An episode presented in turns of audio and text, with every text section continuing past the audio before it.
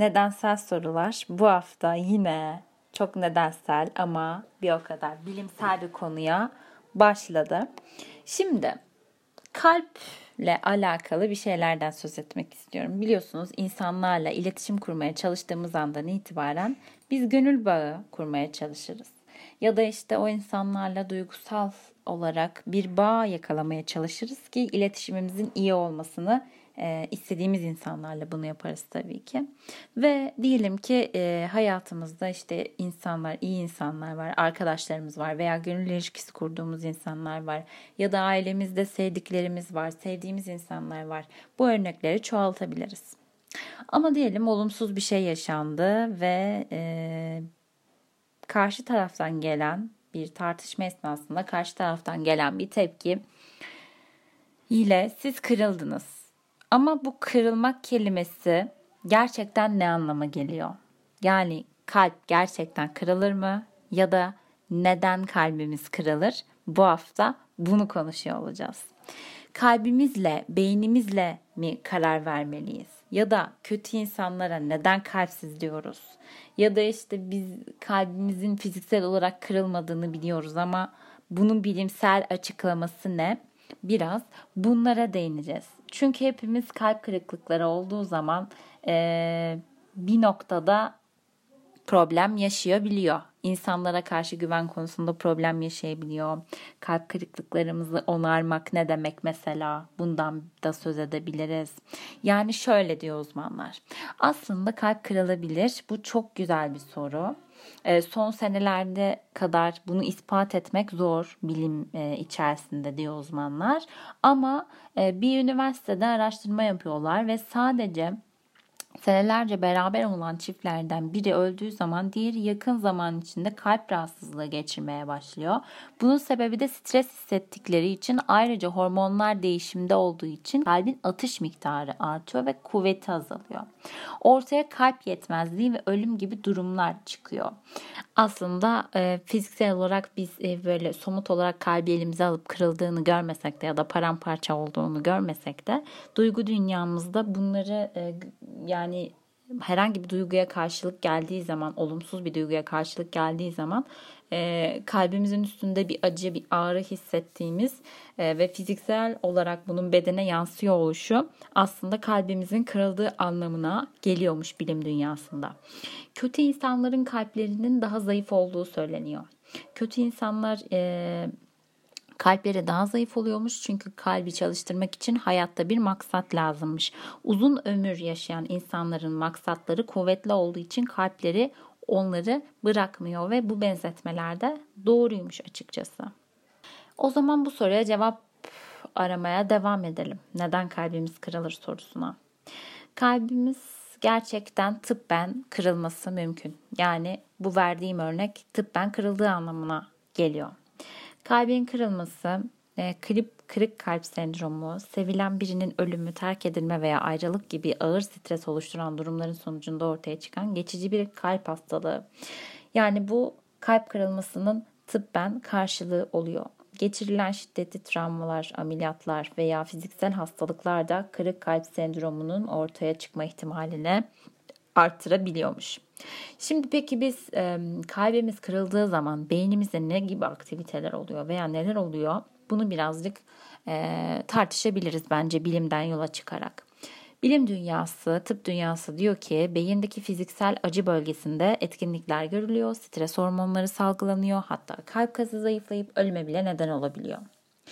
Ayrılan insanlar bağımlılıklarının uyuşturucuyu bırakmasına benzer belirtiler gösteriyor. Çünkü birine aşık olduğunuz zaman beyinde iyi hissetme hormonları salgılanıyor.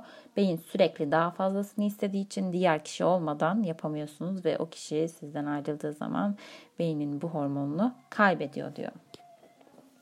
Yani e, aşık olduğumuz zamanki durumun tam tersi meydana geliyor ve beynimizde en ilkel bölgelerinden olduğu için burası e, acıkma ve susama hissinde olduğu gibi bilincimiz beynimize söz geçiremiyormuş ve beynimiz bunu atlatmak için ekstra bir çaba sarf ediyormuş.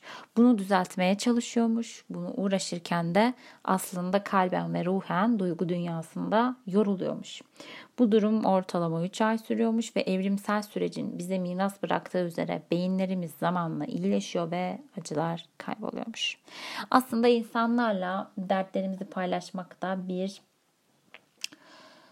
sebeplerden bir tanesiymiş. Yani biz bu duyguların, bu kalp kırıklıklarının acısını üzerimizden atabilmek için insanlarla kurduğumuz diyalog veya başka insanlarla bu derdi paylaşmak birazcık açıkçası bu duyguyu rahatlatıyormuş. Bir insanın size bir şeyleri dile getirirken e, takındığı üslup çok önemlidir bence. Bu benim fikrim ve bu üsluptan dolayı da kalp kırıklıkları yaşamak ve bu kalp kırıklıklarını da kalp kırıklığı yaşayanların e, Spotify listesinde çaldığı şarkılarla e, bunu iyileştirmeye çalışması gibi durumlar aslında kocaman bir süreç gibi.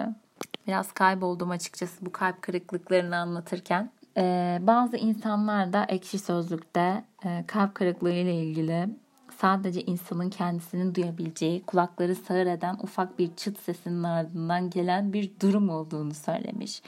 Bir kere olduktan sonra gerisi gelir söz konusu kişiyle aranızda daha sonra düzelse ya da düzelir gibi olsa bile bir kere içe işlenmiştir eskisi gibi olmaz olamaz hiçbir zaman diyen de olmuş ya da insanlara güvenmenin en doğal sonucu yaralanmak olarak geçer. Dostluğunuz, sandığınız ya da yakın gördüğünüzü düşündüğünüz insanların arkanızdan çevirdikleri kötü şeyleri öğrendikçe birebir gerçekleşir diyenler de olmuş. Mekan ve zaman bağımsız her an insanın başına gelebilecek şey diyen de olmuş. Yaptığım araştırmalarda kalp kırıklığının nasıl giderildiğine dair bir habere rastladım ve bu haberde sadece sanki kalp kırıklığı eski sevgiliyle yaşanan diyaloglarda oluyormuş gibi bir haber yapılmış. Eski sevgilinizin işte korkunç olduğunu düşünün ya da işte ee, ne bileyim o insan hakkında daha e, farklı ve zıt şeyler düşünmeye çalışın e, gibi böyle e, tavsiyelerde bulunulmuş. Aslında insanlar sadece eski sevgisi yüzünden değil bence aile bireyleri arasında da kırgınlıklar olabilir. Kardeşinizle yaşadığınız bir diyalogta da kırgınlık yaşayabilirsiniz. Ya da arkadaşlarınızla da yaşayabilirsiniz. Bunu telafi etmek belki bazı insanlar için büyük beklentilerle oluyor olabilir. Ama bazı duygusal insanlar için de küçük şeyler kalbi onarmaya yetiyor olabilir. Bu artık insanların e, aranızda sizinle nasıl bir diyalog kurduğuna, nasıl bir bağ kurduğuyla ilgilidir bence. E, ben böyle düşünüyorum en azından. Kalp kırmanın sadece eski sevgiliyle ilgili olduğu tanısı e, benim için doğru bir tanı değil gibi bu yapılan haberde. Bunu da paylaşmak istedim çünkü bu ilginç geldi bana ama şöyle bir şey de olabilir. Bu kalp kırıklığını en iyi anlatacak şey de bunun üzerinden belki diye düşündükleri için böyle bir şey yapıyor olabilirler. Bilim insanları çeşitli tavsiyeler de veriyor. E, bunu sadece ilişki bazında değil, e, genel olarak insan ilişkileri bazında da düşünebiliriz. İşte belki bir yere bir şeyler yazmak, ya da işte çok hızlı kararlar almamak, e, eski hatıralarla ilgili şeyler eğer e, bir giden biri varsa hayatınızda onunla ilgili hatıraları barındırmamak bir yöntem diyorlar. Anıları tetikleyen her şey bu dönemde kalp kırıklığı döneminde insanlara zarar verebilir diyorlar. Onarıcı bir durum olmuyormuş. Mesela telefon bu benim yaptığım da bir şeydi. Birine çok kızdığımda ona mesaj atmak yerine e, onunla iletişim kurmak yerine o sırada telefonumun notlar kısmını açıp e, yazmak istediğim her şeyi oraya dökerim ve ondan sonra da o mesajı silip rahatlarım. Bu daha rahatlatıcı bir şey oluyor bazen. Zaten uzmanların da verdiği tavsiyelerden bir tanesi de bu. Belki siz de karşınızdaki insanın sinirle o kırma, kalp kırma anını e, yok etmiş olursunuz ve kendi adınıza başkasının kalbini kırmamış olursunuz kırıldığınız anda. Çünkü kırıldığımız zaman kırabiliriz de gibi. Biz eğer karşılıklı olarak kalp kırma meselesine kafamızı takarsak, olumlu anlamda söylüyorum, birini kırdığımızı düşünüyorsak ve özür dileme erdemi ya da o kalp kırıklığını giderme erdeminde bulunabiliyorsak bir insan olarak, bir birey olarak bu bence çok yapıcı bir davranış olur diye düşünüyorum ve bunların toplumların da bunlardan e, bir kar tanesi gibi etkileneceğini düşünüyorum. Kar topu meselesi gibi etkilenebileceğini düşünüyorum. E, en azından kendi çevremizde, kendi aile içimizde bu konuya dikkat edersek belki daha huzurlu bir ortamın içerisinde olabileceğimizi, daha hoşgörülü olabileceğimizi düşünüyorum. Bizi hoşgörüye iten şeylerden bir tanesidir diye düşünüyorum. Kalp kırmamaya çalışmak, insanların gönlünü almak. Kırılma beyinde oluyormuş ama kalbimizde hissediliyormuş. Uzmanlardan biri bunu söylemiş. Bu tıpkı filmlerde sırtımdan bıçaklandım bir bir olay. Yani gerçekten sırtımızdan bıçaklanmak aslında orada ihanete uğramış bir insansınız demek gibi bir şey oluyor ya. Bu kalp kırıklığı da böyle bir şey. Ama en sevdiğim kalp kırıklığı şarkısı ve bunu bir şekilde açmış olan sevgili Teoman. Ee, buradan sana da selam olsun. Hepimize şöyle bir şey söylemek istiyorum. Hepimiz şöyle olalım bence. Kırıklarını aldırdım kalbimin Zırhımı çıkarttım astım portmantoya. Bence e, sesim kötü olsa da kalp kırıklığının e, nasıl onarıldığına dair en iyi sözlerden bir tanesinin bu olduğunu düşünüyorum. Nedensel sorular e, bu haftada kırılmayla kalbimiz neden kırılır bunu araştırdı. Çok fazla ilişkiler üzerinden, e, aşk ilişkileri üzerinden bu araştırmalarım e, esnasında böyle bir bulguya rastlasam da bence karşımızdaki insan her kim olursa olsun bu kalp kırıklığının e, hepsiyle alakası olduğunu düşünüyorum. E, sadece biri bizi terk etti diye kalp kırıklığı yaşamayız. Bütün diyaloglarda karşımıza çıkabilecek olan durumlardan bir tanesi. Haftaya yepyeni bir nedensel soruyla karşınızda olmayı diliyorum. Kendinize iyi bakın. Thank you.